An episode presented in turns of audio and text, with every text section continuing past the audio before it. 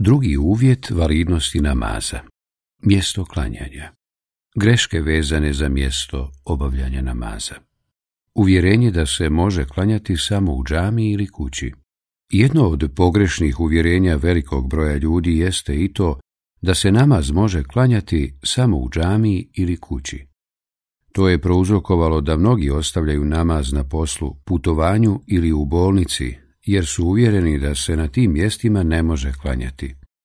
Da bi namaz bio validan, mjesto na kojem se obavlja mora biti čisto, bila to zemlja, karton, kamen, beton, daska, kancelarija, avion, voz, brod ili bilo koje drugo mjesto koje je čisto i na kojem nema nešto što se jasnim dokazom tretira nečistim. To je jedna od osobina kojom je uzvišeni Allah odlikovao umet Allahovog poslanika.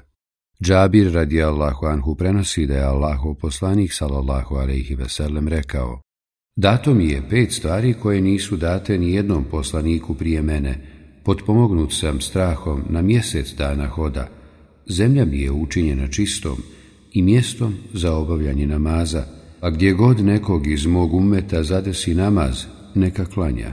Dopušten mi je ratni plijen, a nikom prije mene nije dat dato mi je pravo za uzimanje za griješnike šefat.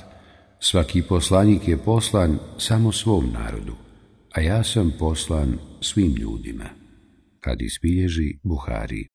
Shodno ovom hadisu musliman može klanjati gdje god ga zadesi namaz, pod uvjetom da to mjesto bude čisto i ne bude od onih koja su izuzeta jasnim dokazom da je na njima zabranjeno klanjati. Drugo, nepostojanje želje da se klanja u prvom safu. Mnogo je onih koji ne znaju kolika je vrijednost klanjanja u prvom safu. Vidimo ljude kako prilikom ulaska u džamiju sjedaju blizu vrata, zidova, stubova, prozora, iako su došli kada se prvi saf još nije bio popunio. Takvim postupkom propuštaju priliku da klanjaju u prvom safu i zasluže veliku nagradu. Mnogo je hadisa koji govori o vrijednosti prvog safa, a mi ćemo spomenuti samo nekoliko.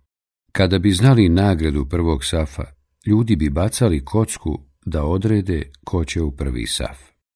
Ebu Hureyri radi Allahu Anhu prenosi da je Allahu poslanik sallallahu alaihi veselam rekao Kada bi ljudi znali kolika je vrijednost poziva, ezana i prvog safa, oni bi, kada ni na koji drugi način to ne bi mogli odrediti, bacanjem kocke odlučili ko će učiti ezan ili klanjati u prvom safu.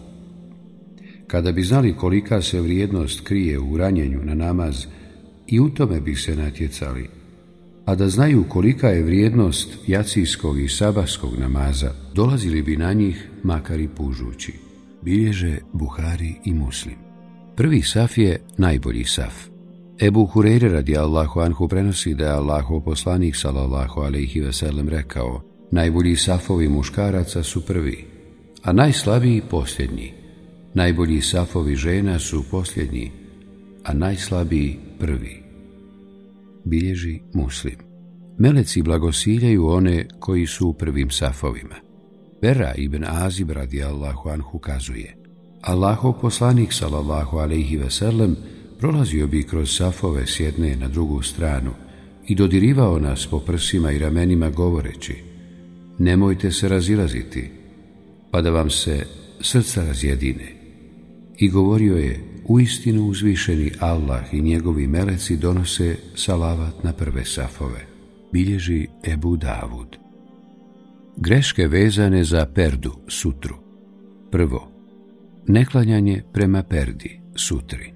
Često vidimo ljude u našim džamijama kako klanjaju na početku džamije, kod vrata, a ispred njih je prazan prostor i ne postavljaju perdu sutru ispred sebe. Allaho poslanik sallallahu alejhi ve naređivao je klanjačima da namaz obavljaju prema sutri perdi, što je bio razlog da je određeni dio učenjaka klanjanje prema sutri perdi smatrao obaveznim činom. Oni koji takav postupak nisu smatrali obaveznim, ocijenili su ga pohvalnim i propisanim činom. U hadisu od Ebu Sejda el Hudrija stoji da je poslanik salallahu i veselem rekao Ko bude klanjao, neka klanja prema perdi, pregradi, i neka joj se približi. Neka ne dozvoli nikome da prođe između njega i pregrade, a ako uprkos tome pokuša, neka mu zabrani koristeći silu, zaista je to šeitan. Hadis bilježi Imam Ibn Mađe. Ovaj hadis došao je u naredbenoj formi, stoga se barem može kazati da je klanjanje prema sutri pregradi pohvalan čin. Ako čitamo hadisa Allahovog poslanika sallallahu alaihi veselem, vidjet ćemo da je on pazio na pitanje sutre, čak i kada je bio na putu, pa su znali zabosti koplje ispred njega kao pregradu u namazu. Osnovni propisi vezani za perdu, sutru. Visina perde, shodno onome što je spomenuto u vjerodostojnim hadisima, trebala bi biti i u visini podlaktice. Širina perde nije precizirana, tako da to može biti i nešto tanko i usko, poput štapa, koplja i slično. Klanjač bi se trebao približiti pregradi toliko da svojom rukom može spriječiti osobu koja bi pokušala proći između njega i pregrade. Propisano je shodno mnogim hadisima Allahovog poslanika sallallahu ve veselem da onaj koji klanja prema pregradi podizanjem ruke u visini prsa može zabraniti prolazak osobi koja želi proći između njega i pregrade. Strogo je zabranjeno prolaziti između klanjača i njegove pregrade. Pregrada prema kojoj klanja imam ujedno je i sutra ljudima koji klanjaju za njim, tako da čovjek ukoliko ima potrebu može proći između safova ljudi koji klanjaju u džematu, a oni ga ne trebaju ispriječavati u tome. Koliko je bitno pitanje pregrade u namazu govori činjenica da su učenjaci smatrali dopuštenim da onaj ko ustani da naklanja namaz nakon što imam preda selam, a nema sutru pregradu, ima pravo da se pomjeri nekoliko koraka naprijed nazad ili u stranu kako bi se primakao pregradi. Treći uvjet ispravnosti namaza nastupanje namaskog vremena. Nastupanje namaskog vremena jedan je od uvjeta validnosti namaza. Namaz nije ispravno obavljati prije nastupanja namaskog vremena, kao što nije dozvoljeno svjesno ga odgađati i klanjati nakon istjecanja namaskog vremena. U nastavku ćemo spomenuti nekoliko grešaka vezanih za ovaj uvjet. Prvo, odgađanje namaza nakon istjecanja namaskog vremena. Mnogo ljudi u našem podneblju zbog stvari poput gledanja utakmice, filmova i serija propuste namaz ili ga ne obavljaju u njegovom vremenu. Musliman treba znati da je namaz vremenski ograničen i badet, pa kao što nije validno klanjati prije nastupanja namaskog vremena, tako ga se ne može odgađati i obavljati nakon istjecanja jasno određenog perioda kazao je uzvišeni Allah. A kada namaz završite, Allaha spominjite, i stojeći, i sjedeći, i ležeći. A u sigurnosti obavljajte namaz u potpunosti, jer vjernicima je propisano da u određeno vrijeme namaz obavljaju. Sura En-Nisa, 103. ajet. Kazao je et tahtavi, govoreći o tome da je nastupanje namaskog vremena uvjet validnosti namaza. Jedan od uvjeta šartova namaza je nastupanje namaskog vremena za propisane namaze. Osnova ovog uvjeta zasnovana je na riječima uzvišenog. Vjernicima je propisano da u određeno vrijeme namaz obavljaju. To jest farz je vremenski ograničen, pa nije dopušteno klanjati prije nastupanja niti odgađati klanjanje do isteka namaskog vremena za onoga koga može obaviti. Ibn Kajim je rekao, muslimani se ne razilaze u tome da je namjerno izostavljanje obaveznih farz namaza toliko da prođe namasko vrijeme jedan od najvećih grijeha i da je grijeh ostavljanje namaza veći od ubistva, bespravnog uzimanja i metka, bluda, krađe, pijenja alkohola, te da se s tog grijeha izlaže Allahovoj kazni i srđbi na Dunjaluku i na Ahiretu. Mi smo prethodno detaljno spomenuli argumente koji ukazuju na to da je ostavljanje namaza veliki grijeh, a ovdje ćemo spomenuti samo nekoliko dokaza zbog važnosti ovog pitanja. Zvišeni Allah kaže Svaki čovjek je odgovoran za ono što je radio, osim sretnika oni će se u džennetskim bašćama raspitivati o nevjernicima. Šta vas je u sekar, džehennem dovelo? Nismo, reći će, bili od onih koji su molitvu namaz obavljali. Sura El Mudathir od 38. do 43. ajeta. Džabir radi Allahu Anhu prenosi da je Allaho poslanik sallallahu alaihi veselem rekao Doista je između čovjeka, širka i nevjerstva ostavljanje namaza. Bilježi muslim. Ibn Omer radi Allahu Anhu prenosi da je Allahov poslanik sallallahu alaihi veselem rekao Ko propusti kindijski namaz, kao da je izgubio porodicu i metak. Bilježi ima muslim. Abdullah ibn Amr radi Allahu anhu prenosi da je Allahov poslanik salallahu alaihi veselem jednoga dana, govoreći o namazu, rekao Ko bude redovno obavljao namaz, to će mu biti svjetlost, dokaz i spas na sudnjem danu. Ako ne bude redovno klanjao, ne bude čuvao svoj namaz, neće imati svjetlosti ni dokaza ni spasa. On će na sudnjem danu biti s Karunom, Faraonom, Hamanom i Ubejom ibn Halefom. Kad izbilježi imam ed darimi. Abdullah ibn Šekik el ukaili kazuje Ashabi Allahovog poslanika nisu smatrali da je ostavljanje bilo kojeg dijela nevjerstva osim ostavljanja namaza. Kad izbilježi imam Tirmizi. Ebu Derda radi Allahu Anhu kazuje moj prisni prijatelj, poslanik, oporučio mi je da ne činim širk Allahu, da mu nikoga ne smatram ravnim ni u čemu, pa čak ni onda kada bih bio iskomadan ili spaljen, da svjesno ne izostavljam propisane farz namaze, jer onaj koji to učini, kod Allaha nema nikakvo obećanje da će ga čuvati i štititi, i da ne pijem alkohol, jer je on zaista ključ svakog zla. Kad bilježi Imam ibn Mađe. Ovo su samo neki argumenti koji ukazuju na to da je ostavljanje namaza jedan od najvećih grijeha. Na osnovu pojedinih argumenata bilo je učenjaka koji su ostavljanje namaza smatrali dijelom koje izvodi iz islama. Stoga bi vjernik i vjernica trebali paziti na svoj namaz i ne dopustiti da ga zbog bilo kojeg razloga propuste i ne obave u propisanom vremenu. Smatranje da postoji rani i kasni sabah. Određeni broj ljudi je uvjerenja koje je potpuno neutemeljeno da postoji rani i kasni sabah. Prema takvima rani sabah je namaz koji se obavlja prije izlaska sunca, a kasni onaj koji se obavlja nakon izlaska sunca. Sabasko vrijeme jasno je precizirano u hadisima Allahovog poslanika sallallahu alejhi ve ono nastupa pojavom zore kada se počnu pojavljivati tragovi zore na istočnom horizontu i traje do izlaska sunca.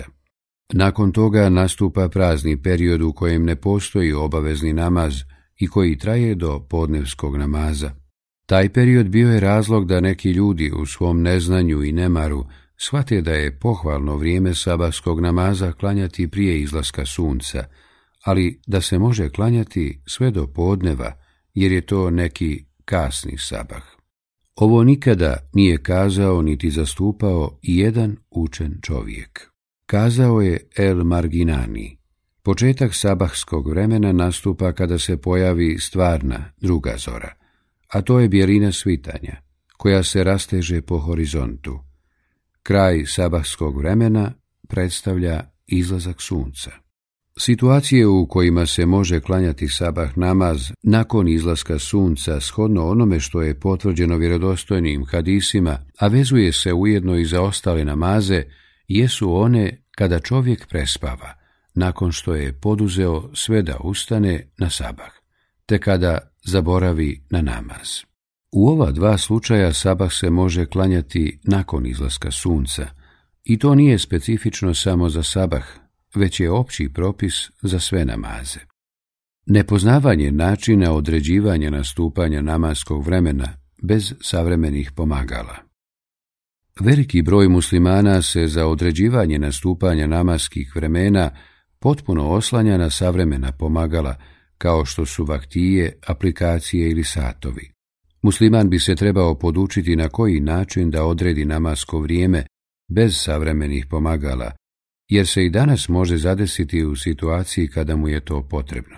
Sabah namaz nastupa pojavom prave zore, koja se prepozna tako što se počne pojavljivati uzdužna bjelina na istočnom horizontu i svakog momenta ona se povećava. To je početak sabahskog vremena. Njegov kraj je izlazak sunca. Podne namaz nastupa kada sunce pređe polovinu neba. To se veoma lahko može ustanoviti zabadanjem nekog predmeta, štapa ili nečega sličnog u zemlju i praćenjem njegove sjene. Ukoliko se sjena tog predmeta smanjuje, to znači da se sunce uzdiže. Kada se sjena prestane smanjivati, tada je sunce na polovini neba. A kada se počne povećavati, to je znak da je sunce prešlo polovinu neba i tako znamo da je nastupio podne namaz. On traje sve dok se sjena bilo kojeg predmeta uveća za njegovu dužinu, ne brojeći malu sjenu koja postoji i kada sunce bude u zenitu, na polovini neba. Kada sjenka predmeta dosegne njegovu dužinu, tada završava namasko vrijeme podne namaza.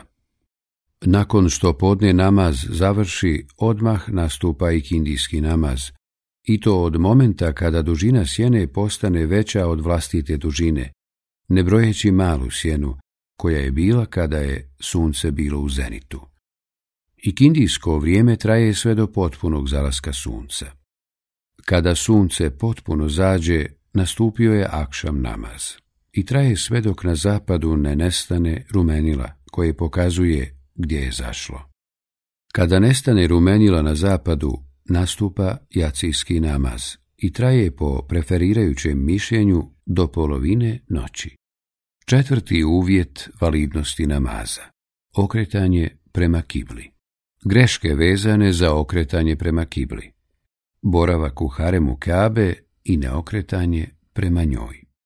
Lično sam vidio ljude koji klanjaju namaz u haremu Kabe i koji je vide, ali zbog nemara i gafleta nisu okrenuti prema njoj. Kada govore o okretanju prema Kabi, islamski učenjaci spominju pravilo da što je klanjač bliži Kabi, veća mu je obaveza da se preciznije okrene prema njoj.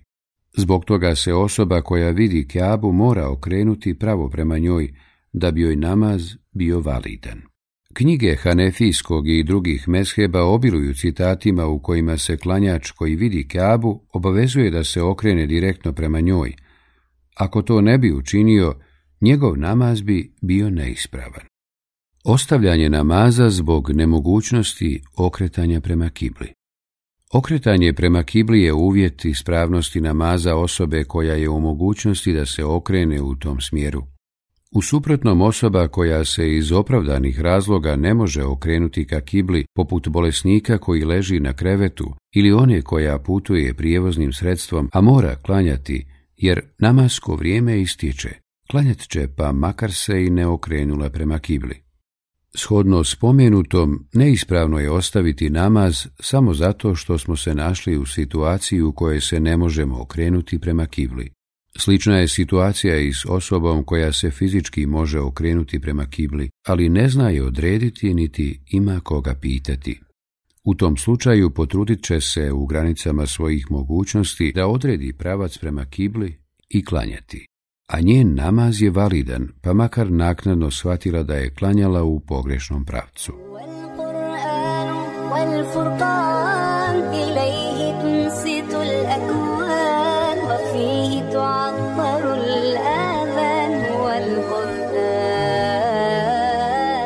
Nepoznavanje razlike u okretanju prema kibliju u pogledu farza i na fila namaza.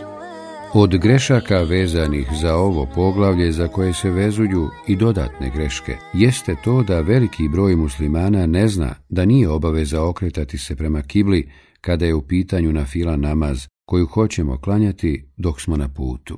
Dopušteno je u toku putovanja klanjati na file dobrovoljne namaze u pravcu u kojem se kreće prijevozno sredstvo u kojem se klanjač nalazi. Shodno tome dopušteno je klanjati dobrovoljni namaz u avionu, automobilu, autobusu i to u pravcu kretanja, bez okretanja prema kibli. Greške vezane za ravnanje safova. Nepoznavanje važnosti ravnanja safova. Gotovo je nemoguće u našim džamijama ne primijetiti da ljudi malo pažnje posvećuju ravnanju i popunjavanju safova. Svakodnevno možemo vidjeti kako se počne obavljati namaz u džematu, a saf niti je poravnat, niti popunjen. Mnogo je hadisa u kojima se jasno naređuje ravnanje i popunjavanje safova, te da je to upotpunjavanje namaza. Nepodsticanje ljudi prije namaza na ravnanje safova. Započinjanje namaza bez imamovog podsticanja ljudi na ravnanje safova jedna je od grešaka koja je, nažalost, prisutna u mnogim našim džamijama. Praksa Allahovog poslanika, sallallahu alaihi veselem, s njegovim ashabima bila je drugačija. On bi, sallallahu alaihi veselem, redovno prije namaza svoje ashabe podsticao na ravnanje safova, svojim bi ih rukama doticao i ravnao safove. Od Ebu Mesuda el Bedirija radi Allahu Anhu prenosi se da je kazao Allahov poslanik sallallahu ve sellem doticao bi naša ramena u namazu prije namaza i govorio Poravnajte i nemojte se razilaziti, pa da vam se i srca raziđu. Hadis bilježi imam muslim. Poslanik sallallahu ve sellem ljudima bi, ravnajući safove, govorio o vrijednosti toga dijela. Od Enesa radi Allahu Anhu prenosi se da je rekao Kazao je Allahov poslanik sallallahu alaihi sellem: poravnajte i upotpunite svoje safove, doista ravnanje i popunjavanje safova upotpunjuje namaz. Bilježi imam muslim. Ako je poslanik sallallahu alaihi sellem redovno posticao najbolju generaciju čovječanstva na ravnanje safova, šta mislite koliko bismo mi trebali posvećivati pažnje tome? Od Ibn Omera radijallahu anhu prenosi se da Omer radijallahu anhu ne bi donosio početni tekbir u namazu sve dok ne bi poravnao safove i zato je znao zadužiti ljude koji će mu pomagati. Nepoznavanje načina ravnanja safova po člancima prema sredini safa zbijanjem noge uz nogu i ramena uz rame. Često se može vidjeti kako neko stane na kraj safa i čeka da se ostali ravnaju prema njemu, pa makar i ne bilo dovoljno ljudi da popune jedan saf.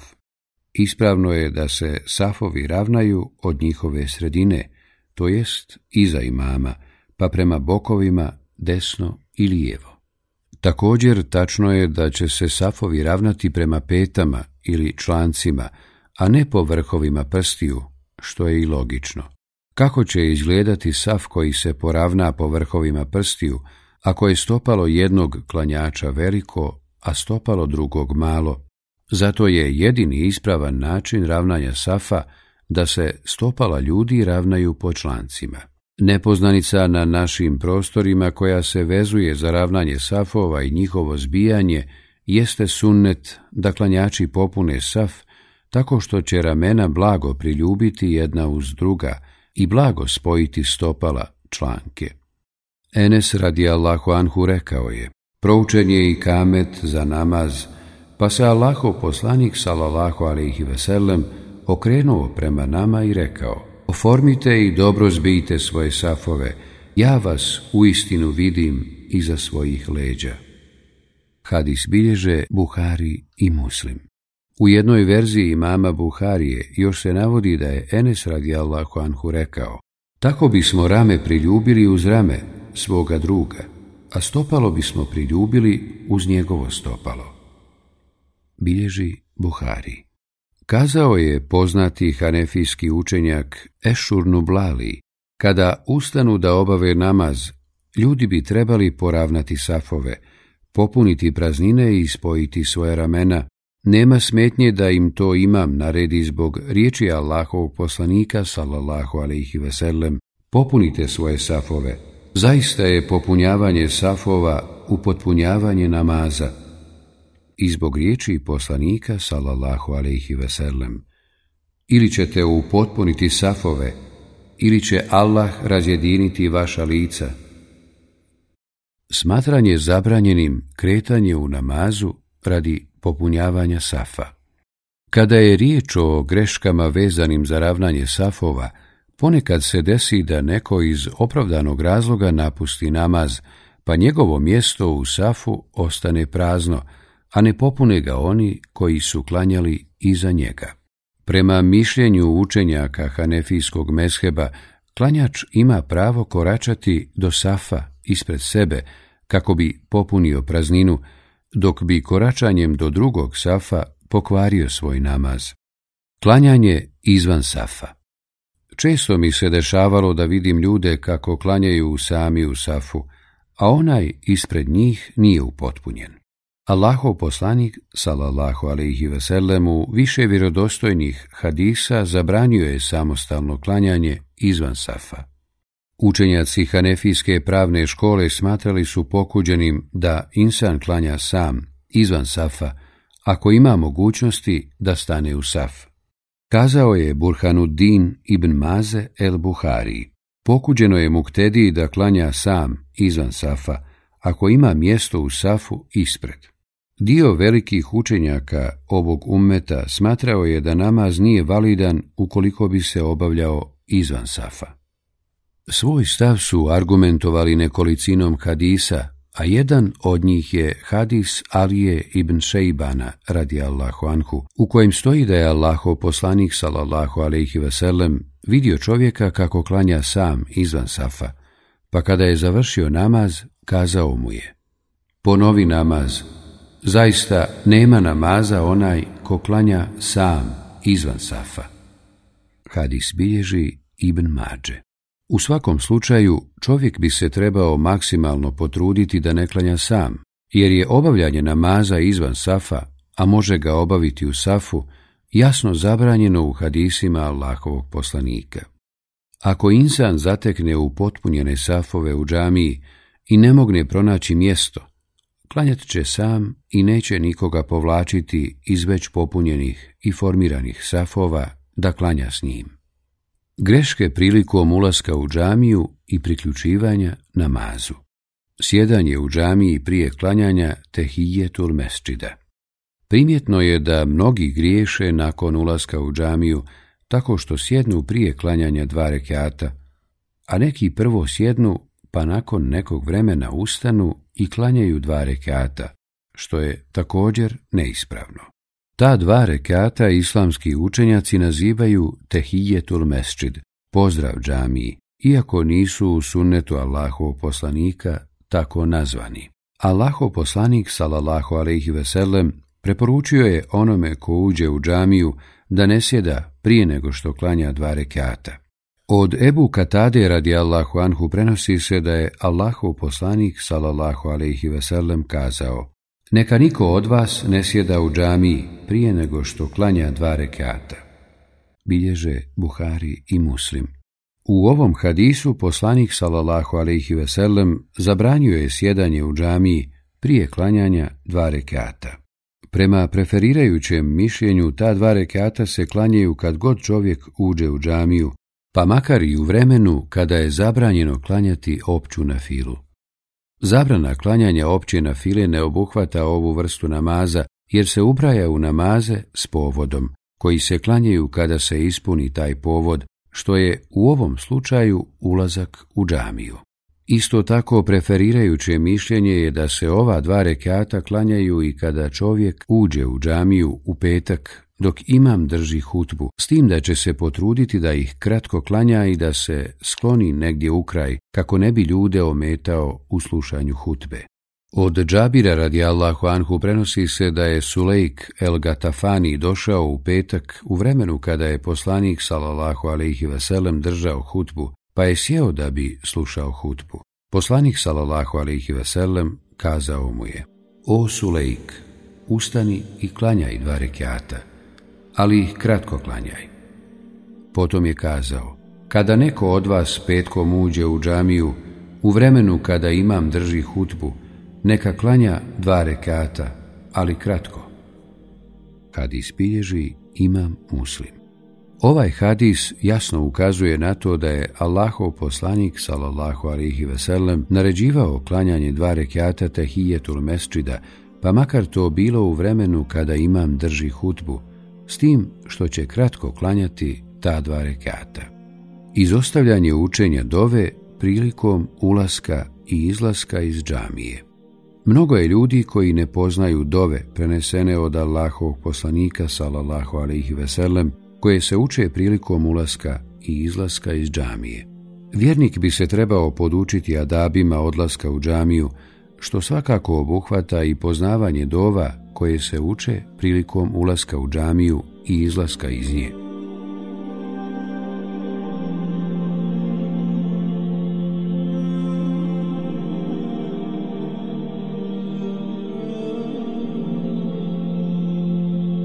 Pisanje ajeta po zidovima džamije. U mnogim džamijama naći ćemo da su po unutrašnjim zidovima i mihrabima ispisani kuranski ajeti, imena ashaba, neke dove ili Allahova lijepa imena. Mnogi nisu svjesni činjenice da su islamski učenjaci takve postupke smatrali pokuđenim, jer Kur'an nije objavljen da se piše po zidovima i mihrabima, već kao uputa čovječanstvu. Kazao je poznati učenjak hanefijskog mesheba Kemaluddin ibn el Humam. Pokuđeno je pisati kuranske ajete i Allahova imena po novcu, mihrabima, zidovima i prostirci. S druge strane, pisanjem kuranskih ajeta po zidovima i mihrabu džamije odvlači se pažnja klanjaču te umanjuje njegova koncentracija. Dolazak u džamiju nakon konzumiranja bijelog luka ili duhana. Pojedini klanjači griješe kada dolaze u džamiju nakon konzumiranja bijelog luka. Allahov poslanik pojasnio je u vjerodostojnim hadisima da osoba koja jede bijeli luk ne treba dolaziti u džemat, već će namaz obaviti kući, zato što neugodan miris uznemirava meleke i ostale klanjače u džamiji. Allahov poslanik, salallahu alaihi veselem, govorio je Ko bude jeo bijeli ili crveni luk, neka se izdvoji od nas ili se udalji od našeg mesčida i neka sjedi kod svoje kuće. Bilježe Buhari i Muslim. Ovaj hadis jasno ukazuje na to da osoba koja jede bijeli luk ne treba dolaziti u džemat kako time ne bi uznemiravala ostale klanjače. U muslimovom rivajetu pojašnjen je razlog zabrane dolaska u džamiju za osobu koja jede bijeli luk. Zaista Meleke uznemirava ono što uznemirava potomke Adema, ali ih i sela. Bilježi muslim. Treba napomenuti da je konzumiranje bijelog luka dopušteno, naročito ako znamo koliko je zdrav. No trebamo znati da bijeli luk nije dopušteno jesti kako bi to bio razlog neodlaska u džamiju, već ga treba jesti želeći postići korist koju njegovo konzumiranje donosi. Analogno spomenutom propisu konzumiranja bijelog luka, islamski učenjaci spomenuli su i neugodan miris duhana. Ako je poslanik salalahu alaihi veselem zabranio dolazak osobi koja jede halal biljku, u kojoj je mnogo koristi, jer to uznemirava klanjače, šta je onda s osobom koja konzumira nešto što joj šteti? što je zabranjeno i uz sve to nepušače neugodan miris duhana uznemirava više nego miris bijelog luka. Reklamiranje i kupoprodaja u džamiji Nerijetko po našim džamijama možemo vidjeti izložene knjige za prodaju. Kupoprodaja u džamiji strogo je zabranjena jasnim hadisima Allahovog poslanika – od Amra ibn Šuajba, od njegovog oca, od njegovog djeda, prenosi se da je Allahov poslanik salallahu alaihi veselem zabranio kupovinu i prodaju u džamiji, da se u njoj traži, oglašava izgubljena stvar, da se citira poezija i da se ljudi okupljaju u halkama prije džuma namaza. Bilježi imam Ebu Davud. Postavljanje satova koji ozvanjaju u džamiji, od Ebu Hureyri radi Allahu Anhu prenosi se da je Allahu poslanik salallahu alaihi veselem govoreći o zvonu kazao Šeitanova svirala. Hadis bilježi imam Ebu Davud. Šejh Albani, inače vrsni sahadžija, u jednoj od svojih knjiga ispričao je kako je svaki put kada bi u nekoj džamiji u Siriji čuo zidni sat koji otkucava i zvoni, pojašnjavao ljudima da je to zabranjeno, a potom bi zatražio od nadležnih da isključe zvonjenje, tako da bi sat i dalje radio, ali se ne bi čulo njegovo zvono. Učenje Kur'ana u džamiji povišenim tonom koji uznemirava druge. Među greškama koje se dešavaju u džamijama je učenje Kur'ana povišenim tonom, toliko da to drugima smeta i dekoncentriše ih. Kada uđe u džamiju, insan bi se trebao maksimalno potruditi da razgovara ili uči Kur'an tiho, kako ne bi druge uznemiravao i dekoncentrisao u obavljanju namaza. Od Ebu Sejda radi Allahu Anhu prenosi se da je kazao Allahov poslanik salallahu alaihi veselem bio je u itikafu u svojoj džamiji, pa je čuo kako ljudi glasno uče Kur'an, te je odgurnuo zastor i kazao Zaista svako od vas doziva i obraća se svome gospodaru, zato nemojte jedni druge uznemiravati i glasno učiti Kur'an uznemiravajući druge. Kad bilježi Imam Ebu Davud. Ako je Allahov poslanik zabranio glasno učenje Kur'ana, kako se ne bi uznemiravali i dekoncentrisali drugi, ako su u namazu, onda je mnogo prioritetnije da ljudi ostave određene neosnovane postupke novotarije koji se uče naglas i time uznemiravaju ljudi u džamiji. Nepoznavanje načina pristupanja namazu i propisa vezanih za priključenje džematu. Mnogo puta sam vidio ljude kako zakasne na namaz, odnosno na jedan ili više rekata za imamom, a potom predaju selam s imamom bez naklanjavanja onoga što su propustili. U vjerodostojnim hadisima se navodi da je Allahov poslanik sallallahu alejhi ve sellem pojasnio kako se čovjek ako zakasni na namaz u džematu treba priključiti namazu, te nakon što imam preda selam ustati ne predavajući selam s imamom, naklanjati ono što je propustio i potom predati selam. Kada dolazi u džemat, a zakasnio je, Započet će namaz kao da mu je to prvi rekat za imamom i klanjat će onoliko koliko je preostalo, a potom kada ustane da dopuni namaz, naklanjat će ono što je zakasnio i time će njegov namaz biti upotpunjen. Na primjer, osoba je zakasnila na prvi rekat podne namaza, stigla je u džemat i priključila im se na drugom rekatu. Donijet će tekbir započeti namaz i to joj je prvi rekat, a njihov drugi. Nastavit će klanjati za imamom do kraja namaza. Kada imam preda selam, on neće predavati selam, već će ustati kako bi naklanjao rekat na koji je zakasnio u džemat. Nastavit će klanjati za imamom do kraja namaza. Kada imam preda selam, ona neće predavati selam, već će ustati kako bi naklanjala rekat na koji je zakasnila u džemat. Pošto je već klanjala tri rekjata, kada ustane naklanjavati, Dodat će ili naklanjati četvrti. Kada završi četvrti rekat učenjem etehijatu i salavata, predat će selam, čime je njen namaz potpun. Od Ebu Katade radi Allahu Anhu prenosi se da je kazao Jedne prilike dok smo bili u namazu s Allahovim poslanikom salallahu alaihi veselem, čula se nekakva buka, pa kada je završio s namazom, upitao je Šta vam je bilo? Žurili smo na namaz, odgovorili su. Kazao je Allahov poslanik. Ne činite tako. Kada dolazite na namaz, dolazite smireno.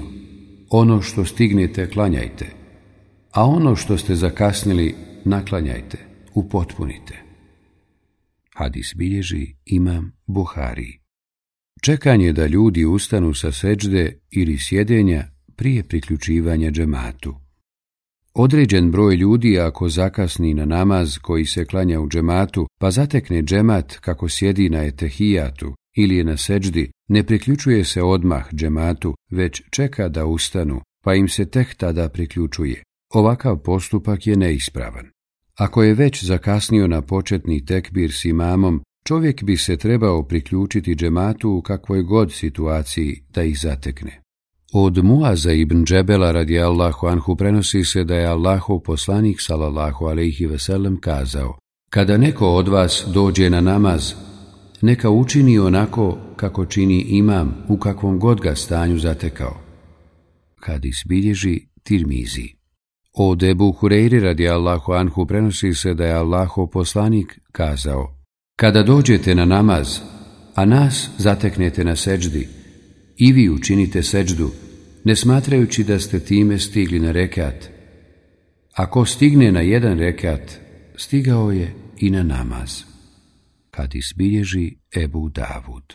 Kao što se može vidjeti u ovom hadisu, Allahov poslanik preporučio je onome ko zakasni na početak namaza da se priključi džematu u kakvom god stanju da ih zatekne, te da to ne znači da će dobiti nagradu džemata, jer se ona postiže stizanjem na barem jedan rekat, koji se pak postiže dospijevanjem na ruku.